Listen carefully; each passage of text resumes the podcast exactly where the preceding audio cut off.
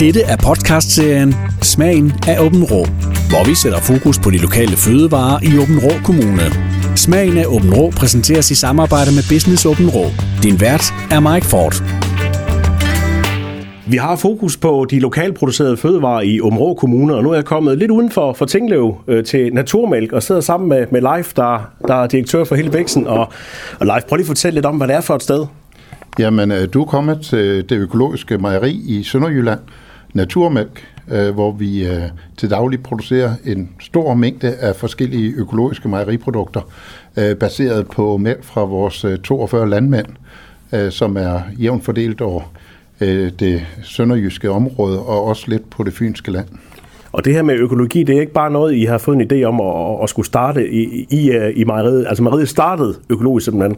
Jamen det gjorde det. Altså mejeriet startede egentlig af syv økologiske landmænd, som øh, havde en drøm om, at deres mælk, øh, nu var de begyndt at producere økologisk mælk, at det så også kunne blive produceret til nogle færdige mejeriprodukter.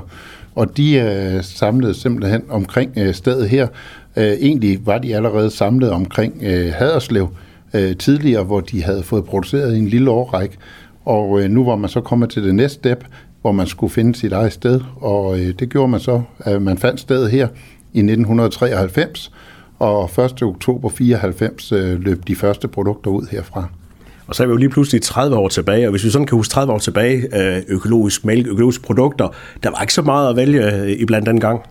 Nej, men vi var trods alt i gang, for øh, som sagt havde Naturmælk været i gang op omkring Haderslev helt tilbage i 88, og man havde jo ligesom fået etableret, at der var mulighed for et marked. Drømmen, da man lige lavede stedet her, det var faktisk egentlig salg til Tyskland, og man begyndte egentlig at ansætte en tysk sælger og producere oste til det tyske marked. Jeg kan huske, at mit øh, første møde med Naturmælk, det var på, på tankstationen på Shell-tanken, hvor, hvor man kunne få, få mælken. Og det var sådan et lidt utraditionelt sted at kunne få økologiske produkter. Jamen, det er fuldstændig, fuldstændig rigtigt, og det skete jo ved, at man faktisk, da man så fik etableret stedet her i øh, 94, fik man lavet en aftale med det, der dengang hed FDB, og, øh, og lave en femårig kontrakt, og så stod man øh, og tro faktisk, at man havde fundet de vise sten og en guldår, og så producerede man for dem i fem år. Så skete der desværre det, at da den kontrakt udløb, var der et lidt større mejeriselskab, som havde lyst til, at det var deres tur til at levere, øh, og øh, så stod man lige pludselig og manglede kunder. Man havde infrastrukturen, man havde mejeriet, man havde mælken, men man manglede faktisk en kundemasse. Og øh, så øh, gjorde man det, at man jo afsøgte markedet, og øh, i 2000, der lykkedes det os så at lave en aftale med, med Shell, og fik overbevist dem om, de havde været lidt i uføre, at det kunne være en rigtig god profil for dem, at de så lancerede økologisk mælk i deres, øh, i deres øh, tankstationer. Og det var jo, det var jo en milepæl for lille naturmælk dengang, som vi var dengang, fordi at vi havde fem butikker, lokale butikker, vi leverede til på det tidspunkt efter tab af FDB-aftalen, og nu blev vi lige pludselig landsdækkende i øh, små 200 sjælbutikker landet over, så det var, det var virkelig øh, det var noget, der gav lidt genlyd dengang.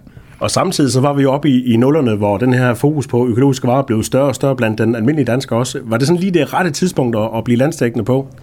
Det var i hvert fald meget vigtigt for vores selvforståelse og for vores tro på, at vi havde noget at bygge videre på. Øh, og, og så gik der nok stadigvæk omkring en, en 4-5 år, hvor vi lavede det, man kalder en lille turnaround, øh, hvor vi sørgede for at få tilpasset vores omkostninger efter, øh, at vi også kunne, øh, kunne få det hele til at fungere bæredygtigt, også økonomisk. Og, øh, og så øh, 2005, det er der, der for alvor begynder at ske noget øh, på den økologiske del. Vi får også lavet en aftale på det tidspunkt med Netto, og vi begynder også at vores grossister begynder at have en forståelse for, at de er nødt til at have et økologisk sortiment øh, til de caféer og restauranter, som nu er begyndt at gå den vej. Og så, øh, så, så kom jeg jo sådan rigtig godt, fik godt fodfæste igen, og vi gik jo lige på vejen i lokalet, det gik vi forbi pralevæggen herude, med en masse fine diplomer og udmærkelser. Dem har der været mange af i morgen. Jamen det har der, fordi vi har jo forsøgt hele tiden at lægge øh, overlæggeren lidt højere end, end standarden, og det gør vi stadigvæk. Øh, vi, der er stort set ikke en måned, vi ikke udvikler et eller andet, eller tænker på et eller andet nyt tiltag, eller gør nogle nye ting. Og øh, den proces er en del af vores DNA også, øh, udover at vi virkelig er hjerteøkologer, så er vi også et mejeri øh, med, med stort hjerte for, for den traditionelle mejeriproduktion, og hvordan man kan udvikle den. Og derfor har vi også øh, blandt andet udviklet et, et landskendende produkt som høosten, hvor vores landmænd begyndte at producere øh, hø øh, som foder til deres dyr, og så græs og foder, så holdt vi det til det, undgik installationen, og så kunne vi lave en specialost ud af det. Og det var nok der, vi for alvor fik blod på tanden for at sige, jamen øh, vi har nogle kunder, der efterspørger de her øh, lidt utraditionelle øh, højkvalitetsprodukter, og det har vi så arbejdet meget målrettet på siden. Og jeg synes, vi vender lige tilbage til jeres produkter lidt senere, men, men I ligger jo herude for, for Tinglev, øh, og, og det bliver I ved med at gøre? Jamen, det gør vi. Altså, øh, det at bygge et mejeri op, øh, det koster rigtig, rigtig mange penge. Øh, så, så alene den grund øh, Øh, vil det ikke give mening at flytte det. Det er også den, øh, det, at vi er på landet. Vi skaber nogle arbejdspladser, øh, som egentlig i dag har vi mere end 100 arbejdspladser her i Tinglev. Øh, og det føler vi også rigtig vigtigt, øh, at der skabes nogle arbejdspladser øh, ude på landet. Vi er med til at, at sikre, at der er optimisme og liv og produktion øh, ude på landet, hvor vi jo heldigvis også har en stor mængde af vores råvarer i form af, at vi kan se de glade køer gå herude på marken. Og der kan man så se, at folk her i området, når de køber naturmælk, så, så køber de jo lokalt. Er det meget bevidst, at de, de vælger jer, fordi at det lige er fra området? Altså det tror jeg. Altså det er jo svært, øh, så skal man ud og lave den helt store kundeanalyse. Men vi er ret overbevist om, at det at faktisk fra dag et af, i hvert fald øh, da jeg kom til i 2000, øh, at vi sagde velkommen øh, til gæster. Vi bruger meget energi på at, vi, at tage imod. Som jeg siger, der er altid kaffe på kanden, og helst med mælk i kaffen. Ja, det har vi også. og, øh, og det er jo fordi, at, øh, at øh, hvis ikke du øh, er dygtig i dit lokalområde, så er det rigtig svært at være dygtig på landsplan eller på verdensmarkedet. Så det at, at have nogle kunder tæt på, som responderer på det, du laver, det mener vi er rigtig vigtigt, men det er også rigtig vigtigt for os, at vi har nogle kunder, vi kan se i øjnene, der også kommer og, og butikken ligger jo lige her ved siden af mit kontor. Øh, så det er ikke sjældent, at jeg får en lille ros, og jeg måske også får en bemærkning i den anden retning, hvis der er nogen, der synes, hvorfor har I ikke det, eller hvorfor laver I ikke det? Og det er jo med til at styrke os i vores selvforståelse, og også i vores udvikling, og drive os videre. Og det er, også til, det er jo ikke alle virksomheder, der er en mulighed, at man har, har kunderne lige ind ad dørene og kan komme med, med både øh, positiv og konstruktiv kritik. Så det må også give noget af det der med, at øh, fru Hansen lige siger, at den der mælk der, den, den skal jeg lave noget mere af. Jamen, det ligger mig meget på sinde, og øh, det, vi har også nu lavet vores øh, butik, sådan så du kan komme og handle øh, næsten døgnet rundt i form af en selvbetjening. Og det var jo også fordi, at som sagt, at jeg sidder og kigger ud af vinduet, og jeg kunne se, at øh, herr Hansen kom øh, en onsdag eftermiddag, hvor vi ikke havde åben. Og det frustrerede mig helt vildt, at han måtte køre igen, uden at kunne få vores gode produkter med. Øh, og lige sådan, hvis de har nogle gode kommentarer, så fredag eftermiddag, når der er fyldt ud i butikken, så glæder jeg mig også over at kan gå derud og, og se de glade mennesker, men måske også lige få den her kommentar om, at øh, øh, hvordan synes I selv, det går. Og, og det, jeg kan glæde mig over, det er jo mange af de mennesker, som startede med at komme for 20 år siden, og måske i virkeligheden ikke helt gav os en chance for, at det her det var bæredygtigt. Det er dem, der kommer og handler om fredagen nu. Og det er jo en god ting, det der. Men det var netop det, at da I startede for, ja, for 20-30 år tilbage, at, at der var mange, der sådan rykkede lidt af næsten af økologi, fordi alle var måske enige om, at det, det var den rigtige vej at gå, men så var prisen jo sindssygt høj. Man skulle betale meget for noget, som ikke var så meget bedre dengang. Øh, man, har, man har sådan ændret lidt holdning til økologi i dag. Hvad er det, der er sket?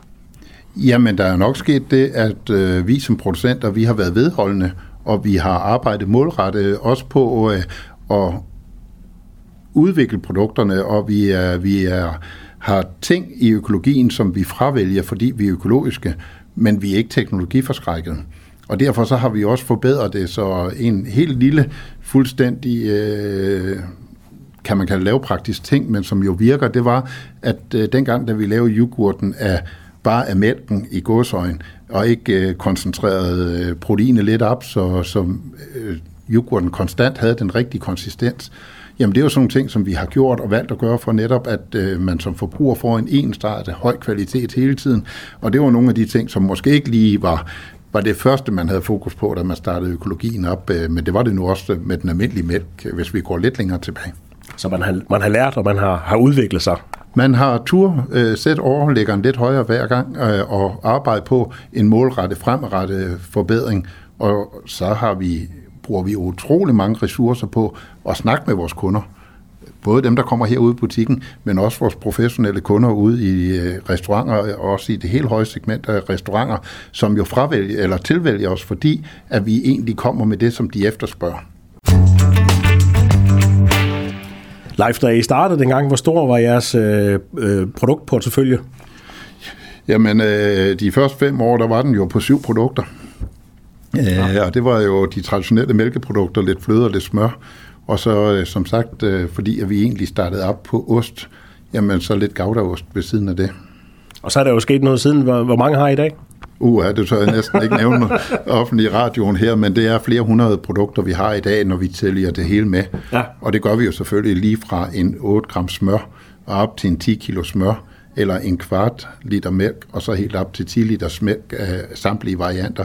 Øh, en masse yoghurtvarianter, syrnede varianter, nogle specielle produkter lavet fra øh, specifikke gårde, hvor vi har gårdmælksprincipper og jersimælk og biodynamisk mælk og hømælk, og vi har hele tiden forsøgt at putte den mere værdi i produkterne, som vi mener, kunderne responderer på, og på den måde øh, skubbe markedet fremad.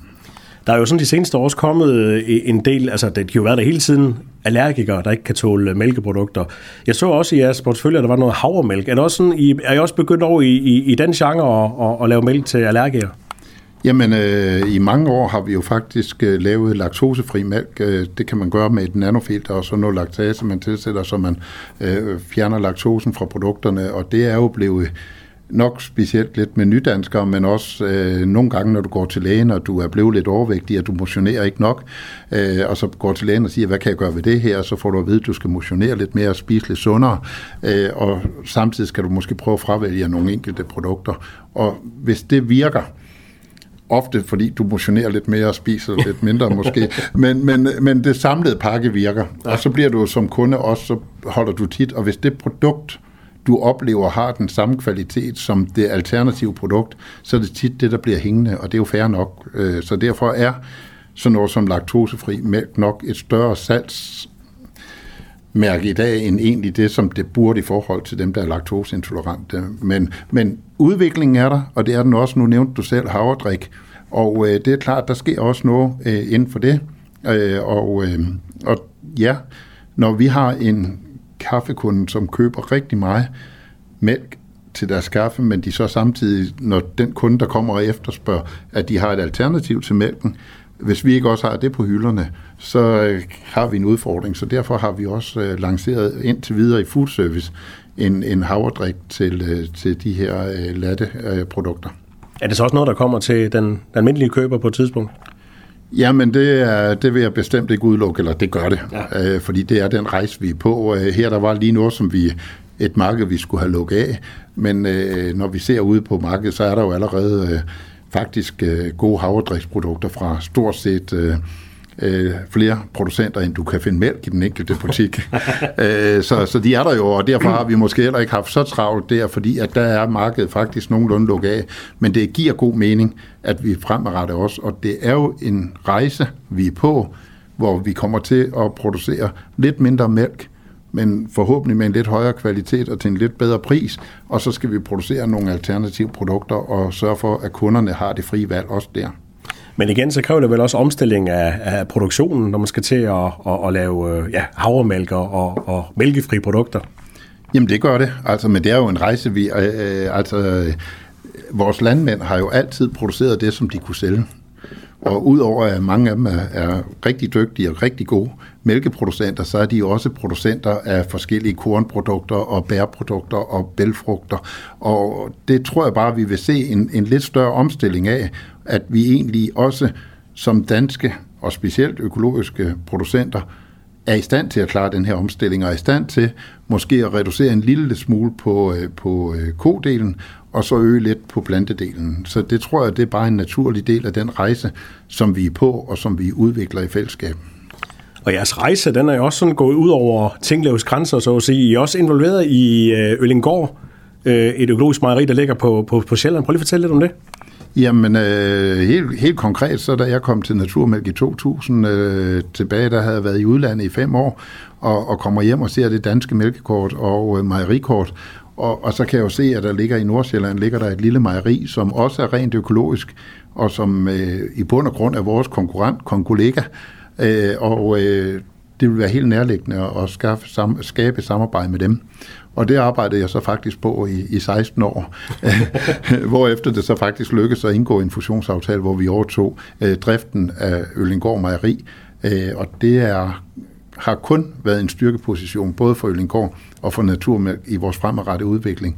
Og lige nu og her, der arbejder vi rigtig meget på at lave udviklingsplaner for øh, Øllingård til faktisk at blive vores udviklingssted øh, med en nærhed til forbrugerne, som vi ikke på samme måde har i Sønderjylland, når det drejer sig om øh, mange af, af, af dem, der flytter sig lidt hurtigere, når det drejer sig om nye trends, end, end vi gør i Sønderjylland. Altså, Nej, der det, ligger jo, den går jo lidt tættere på, på, på København, må man sige. De ligger lidt tættere på, en, på mange restauranter, som, øh, som er eksperimentelle og forsøger øh, og den nye retning. Og hvis vi kan forsyne dem og bruge Øllingård til, til ligesom brohovedet den vej, så vil vi få ud over, at vi har nogle rigtig gode, stærke kunder på Øllingård, også på mejeridelen, så vil det styrke os også på udviklingsdelen. Men vil det være med, med naturmælkprodukter, eller er det stadigvæk Øllingårds egne mærker, der, der bliver, bliver lavet der? Jamen, der tog vi faktisk en beslutning fra dag et af, at det er ikke så vigtigt, øh, hvor det bliver produceret henne. Øh, så vi kan sagtens producere havredrik i, på Øllingård øh, i naturmændsmærke eller omvendt. Øh, så det er det mere et spørgsmål om, at vi kigger på, hvor har vi den infrastruktur, der skal til på det enkelte af vores to produktionssteder for, at det giver den bedste mening for. Vi har jo to øh, vigtige ting. Øh, det er, at vi laver nogle højkvalitetsprodukter, men også at vi holder omkostningerne på et niveau, der gør, at vi kan kigge fremad, og vi kan skabe nye produkter. Og det er så en af fordelene ved at, at have to produktionssteder. Hvad med sådan noget som ja, ja, smør laver vi også, og, og ost? Er det noget, der skal udvikles, det marked, at der skal komme flere slags ost og noget, noget, noget mere spændende smør, og hvordan ser det ud på det marked? Det er helt sikkert. Og når jeg siger det så bestemt, så er det fordi, at øh, vi skal over og spise mere plantebaseret. Men det vi har en unik mulighed for i mejeribranchen, det er at være smagsgiver til plantebaserede produkter. En, øh, en, øh, så sent som i aften spiste jeg selv et øh, grillet spidskål, øh, men det, det, der gjorde spidskålet helt, det var det brunede smør på toppen. Mm. Øh, så det vil sige, at du har en grøntsagsret, og så har du nogle smagsgiver i form af smør, creme fraise, øh, oste, øh, forskellige ting, som du kan gøre, at, at de her øh, retter, de bliver ikke kun spisbare, de bliver lækre, de bliver virkelig øh, gourmetprodukter, og det er det, vi skal arbejde på, at vi egentlig måske accepterer at være en mindre del mængdemæssigt, men kvalitetsmæssigt og prismæssigt er vi stadigvæk en del af den fremadrettede tallerken. Gør det også, at I øh, sådan appellerer til gourmetrestauranterne rundt omkring, at det, det er der, I gerne vil ind også og, og levere nogle ting? Altså, det, det både vil vi og er vi. Øh, vi er, vi er store leverandører ind til, til, til det danske gourmetmarked, øh, og det er vi, fordi, at, som jeg nævnte før, at vi, hvis de beder om en, og har en udfordring, jamen så er vi parat til at tage udfordringen op og sige til dem, jamen hvis det er det, der skal gøres ved produktet, eller det her nye produkt, eller hvad kan vi gøre, og hvad kan vi hjælpe jer med. Øh, så jeg bruger rigtig meget tid øh, sammen med vores, det, vi kalder vores professionelle kunder, og hvis de har en ny idé, løsning, mulighed, øh, så er vi parat til at, at tage udfordringen op sammen med dem, og det har vi virkelig vundet på, og derfor er vi virkelig store leverandører ind til det helt høje segment i gourmetrestauranterne. Så vi har et godt sammen. Vi har eksempelvis tre øh, gange kokke, der er blevet verdensmester, og vi er leverandører ind til, til de restauranter, de er på i dag, som bare som et lille eksempel. Er den også kommet på blærevæggen derude? Nej, altså der har vi et meget, der har vi et rigtig godt forhold. Øh, nogle af dem vil godt udvikle opskrifter der lignende med os, men det de gør i deres køkken, og det de gør, det er jo deres øh, passion, det er det de gør og, og vi skal ikke tage æren af for deres succes. Men vi, kan godt, men vi kan godt være lidt stolte af, at, øh, at vi har leveret nogle af de varer, de arbejder med, som gør, at det lykkes for dem. Men, men det, der skal vi, ligesom vi skal være stolte af vores mejerihåndværk, så skal de selvfølgelig også have lov at være stolte af det, så vi skal, vi skal samarbejde med dem, men vi skal ikke misbruge dem øh, i det, som de kan, og de skal også have deres frihed til, at den ene dag er det osten fra det ene mejeri, og næste dag er det osten fra det andet mejeri. Dette er podcastserien Smagen af Åben Rå, hvor vi sætter fokus på de lokale fødevarer i Åben Rå Kommune. Smagen af Åben Rå præsenteres i samarbejde med Business Åben Rå. Din vært er Mike Ford. Men Leif, når du har sådan været til møde og har snakket med nogle af, af jeres kunder ude fra restaurationsbranchen, så siger de, de har den idé, og hvis man nu brugte den her smag og, og så videre, så kommer du hjem her igen til mejeriet, og så skal I i gang med at, at eksperimentere og finde den her smag, som vi har snakket om. Det kunne jeg forestille mig, at det er en meget spændende proces også, at man, man, man skal til at finde noget, man har snakket om, og, og skal ramme den smag. Det er rigtig spændende, og det er der også sådan, så hvis jeg er lidt for meget ude og lidt for tit, at så er der nogle produktionsfolk her, der siger til mig, om ikke jeg kunne blive hjemme et par dage, øh, fordi det er jo en udfordring at mm. få øh, og, og, og hele tiden at skal lave noget, når man føler, at man har rigtig mange gode produkter på hylden, hvorfor skal vi så lave noget, der er lidt anderledes i morgen? Ja. Men det er altså en del af udviklingen, og det er en del af det, der hele tiden bringer os lidt foran. Øh, så, så, men altså helt konkret, så har vi jo inden for de sidste måneder øh, færdigudviklet og lanceret for eksempel mozzarella-produktion øh, på Øllingård Mejeri. Og det var jo et samarbejde med, at vi havde et godt samarbejde med, og har altid haft et godt samarbejde med Roskilde Festivalen om at levere, og da de blev 100% økologiske, og vi er mejerileverandør, jamen så skulle der selvfølgelig også mozzarella til pizzaen på, mm. øh, øh, på Roskilde Festivalen, og øh, nu er vi så faktisk øh, dem, der laver pizzaer på Roskilde Festivalen, deres restauranter ude i det danske land, jamen der er vi også leverandør til. Og, og når de her nye smag de så bliver, bliver udviklet, så er der vel også øh, så, så er der mange, der skal smage på de forskellige ting, og, og, og, og se om de har ramt rigtigt. Det må også være en sjov proces. Jamen, det er, det er en skøn proces. Altså, det er, øh, og det er jo, det er jo mange gange ugens højdepunkt, hvis vi har lavet et nyt produkt, øh, at, øh, at vi skal smage på det, og vi skal finde ud af, om, om vi har ramt rigtigt. Og når vi så når til som sidste år, at vi faktisk øh, vandt gourmetprisen på to produkter, øh, jamen øh, så, så du også det, du føler, at du har skabt, øh, at det også bliver øh, øh, modtaget i den anden ende af, af professionelle folk, og, og netop gourmetprisen, som jo bliver givet af, af mejeriforeningen, men hvor du tager de professionelle kokke og madanmeldere og smagsdommer med ind, og de så også finder, at det, man har skabt, at det, det er godt nok for sit liv når det får den helt store pris, jamen så er man jo så er man stolt af, og så giver det også meget lidt nemmere øh, de næste par gange, jeg kommer med nogle nye idéer, at, at få dem godkendt. Fordi at øh, når man får den her anerkendelse øh, til vores gode medarbejdere, jamen så er de jo lige så stolte, som vi andre er. Så er de klar i arbejdstøjet igen? Så er de klar til en ny runde. Og, det, og der er mange runder i Naturmælk, om det er Høstfest, eller det er Roskilde Festival, eller hvad det er, vi springer ud i, så, øh, så er der mange udfordringer i løbet af, af ugen og i løbet af året i Naturmælk. Du sagde, inden vi gik i gang herinde, at I er ikke bange for at springe ud i, i, i nye ting, og, og hvis der kommer nogen med en udfordring, jamen, hvis det er noget, I kan klare, så, så er I med på den. Har det sådan altid været ånden øh, hos Naturmælk, det her med at, at kaste ud nogle ting, som man ikke lige sådan umiddelbart tænker, det, det skulle vi lave? Jamen det er, det er jeg slet ikke i tvivl om, fordi at øh, det at øh, syv landmænd øh, starter et mejeri uden at øh, egentlig have et kundeunderlag, jamen der er du allerede øh, vist en kæmpe øh, vilje til at, at, at skabe noget nyt og, og springe ud i det, og og det er også det, der ligger i mit DNA, det er også, at hvis jeg hver dag kan gå på arbejde, og, og jeg kan mærke, at jeg kan få lov at, at gøre en forskel, jamen, øh, og, og det kan ikke undgås, at når du har en landmandskreds, så du også mig selv og de øvrige medarbejdere, jamen så smitter det af, øh, og så får vi den her energi alle sammen til at, at at skabe noget hele tiden. Og, og som jeg siger, hver gang der kommer en ny plakat, der er på det, du kalder pralvæggen, eller jeg kalder pralvæggen, jamen øh, så er vi jo alle sammen stolte. Ja. Og, og så er der også lavkage i, i, når vi får en god medpris, så er der lavkage om fredagen, og så sidder vi og hygger os og glæder os over den fælles succes. Vi har været igennem nogle hårde år med, med corona og, og krig og, og inflation. Hvordan har det ramt jeres branche?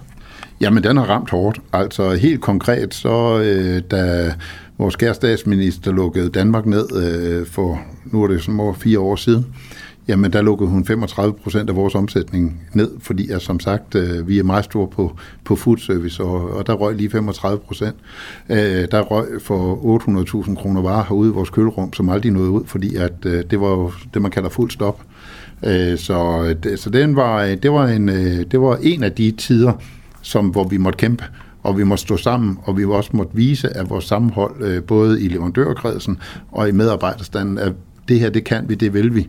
Men, øh, men øh, det er klart, at den her lidt konstante udvikling, vi har haft i naturmad, den fik, øh, den fik lidt riser i lakken, kan man sige, i form af, at øh, vi har måttet, vi har måttet kæmpe lidt mere. Det er igen igen vist, at når man tror på det, og man kæmper sammen, at, så ligger vi så faktisk nu igen. det har taget for lang tid, men vi ligger igen, hvor vi skal. Har det så givet et bedre sammenhold sådan imellem producenter og alle de forskellige led, I, I samarbejder med? Altså det vil jeg sige i det store hele. Det er klart, der nok også er en enkelt som, øh, som landmand, der godt kan være lidt frustreret over at, at den verden, vi lever i, og, og det, der rammer os. Men generelt så... Øh, når det lykkes, og man, og man, man tør kæmpe sammen, man tør stå side om side, så står du også styrke, mere styrke bagefter. Og det har også været sådan en, en, en ting, der har ramt, hvor der ikke nogen rigtig har skylden for den. Man kan rigtig pege fingre af, hvis skyld det er. Altså det, det er nok det, jeg i hvert fald vil sige. Hvis jeg skulle have lavet en SWOT-analyse for fem år siden, så havde der ikke stået corona. Øh, og det havde der nok ikke hos nogen. Og, og så er det jo klart, når så lige pludselig du bliver ramt af det alligevel, øh, jamen så er du nødt til at forholde dig til det. Og så det, du, det eneste, man så kan sige, man kan gøre, det er, at man kan gøre sit bedste. Og man kan også sætte sig ned og sige, pas nu på, ikke at du går helt i selvsving, fordi så er det ofte, jeg plejer at sige, hvis du ikke øh, holder dig nogenlunde på midterlinjen, så ryger du i grøften, og det er uanset om du skal til højre eller venstre. Og det er bare en del af at drive en virksomhed. Det er, at du hele tiden er nødt til at korrigere i forhold til det, som der sker omkring dig. Og svingningerne bliver bare hele tiden hyppigere og hyppigere og større og større. Og det tror jeg, at bare vi skal vente os til. Og som jeg siger lidt, øh, hvis du kigger lidt tilbage, så var det at drive en virksomhed, det var ligesom at spille skak. Og i dag er det nok næsten som at spille ishockey. Mm. Alt kan ske. Alt sker, og det sker meget hurtigt, ja. øh, og du er nødt til at forholde dig til det. Men du er også nødt til at tro på den retning, du har taget, og holde fast i den. For ellers, når du skal tage de her korrektioner, så ryger du hurtigt øh, af rusjebanen.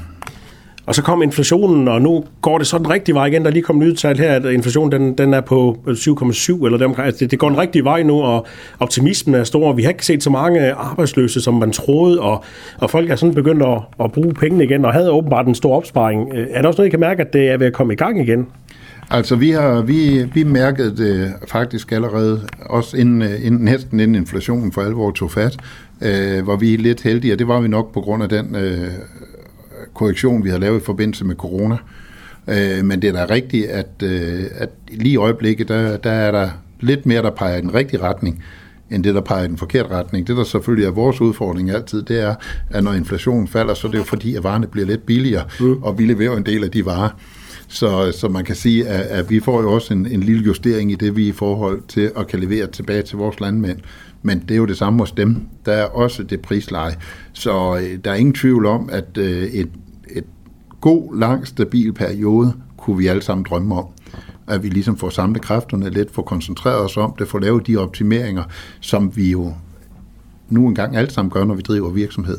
Øh, og det en gang imellem kunne det være meget rart, når man har haft en periode som nu her, at man kan koncentrere om det lidt mere lange, seje træk, end de her øh, korrigerende handlinger, fordi at, at verden tager en lidt anden drejning, end det du forventede. Så at du om morgenen kan bruge tiden på det, vi skal, fremadrettet, i stedet for at korrigere i forhold til det, der skete hen over natten. Men det har ikke, øh, det har ikke dræbt øh, den her gejst for, for udvikling og nye mejerier rundt omkring og involvere sig i det? Nej, absolut ikke. Hvis ikke vi er i stand til at tilpasse os, bruge lidt tid på at analysere, hvor verden er på vej hen, og flytte os i retning af den vej, som verden går, jamen så afvikler du det. er utrolig vigtigt, at du hele tiden tør tro på, at det, der sker i verden, at det kan du være en del af. Og så må du jo sørge for at bruge lidt tid på at analysere, hvor er det, verden er på vej hen, og så arbejder i den retning. For hvis vi bare sad her og sagde, at mejeriproduktion er, som mejeriproduktion er, så vil vi være et helt, helt andet sted om fem år, end hvis vi siger, at mejeriproduktionen vil tage den regning og være en del af det, og så øh, være der. Så det er, det er helt essentielt, og det tror jeg, det er for os alle sammen, øh, uanset om du er arbejdsmand et eller andet sted, eller du er majorist. Hvis ikke vi er i stand til at følge udviklingen og ture, tage dagens udfordringer op, så bliver vi desværre afviklet. Og hvis vi sådan kigger fem år frem, ikke hvad der sker i verden, sådan, og så alligevel, for det der har jo indvirkning på det, men hvordan tror du, øh, folks interesse for mælk er om fem år? Er det stadigvæk, bruger vi stadigvæk lige så meget mælk, eller kommer der en ny variation ind, som I skal til at, at, lave erstatning for mælk, eller noget helt andet? Jamen, der er ingen tvivl om, at, at når vi sidder her om fem år, øh, så øh, vil du sige, hvordan bliver I en fødevarevirksomhed fra at være et mejeri? Mm. For det er den proces, vi er i gang med. Og, øh, og den vil, øh, der, vi vil stadigvæk være et af vores øh, kernekompetencer, det vil være mejeriprodukter. Og som jeg siger, mejeriprodukterne har en kæmpe evnen til at være en del af den fremadrettede fødevaredel. Ja. Fordi vi har mulighed for, at vores øh, animalske proteiner er altså, og vores animalske fedt, det er altså med til at give nogle smagsgiver, som gør, at, øh, at vi har en berettigelse, og koen har en helt naturlig berettigelse i form af den biodiversitet, som vi også er jo en meget, meget ud over klimakrisen, så er biodiversitetskrisen jo en af de helt store. Og der har konen altså en evne til at være en del af omsæt øh, græsprotein til, til øh, animalsk fødevareproteiner.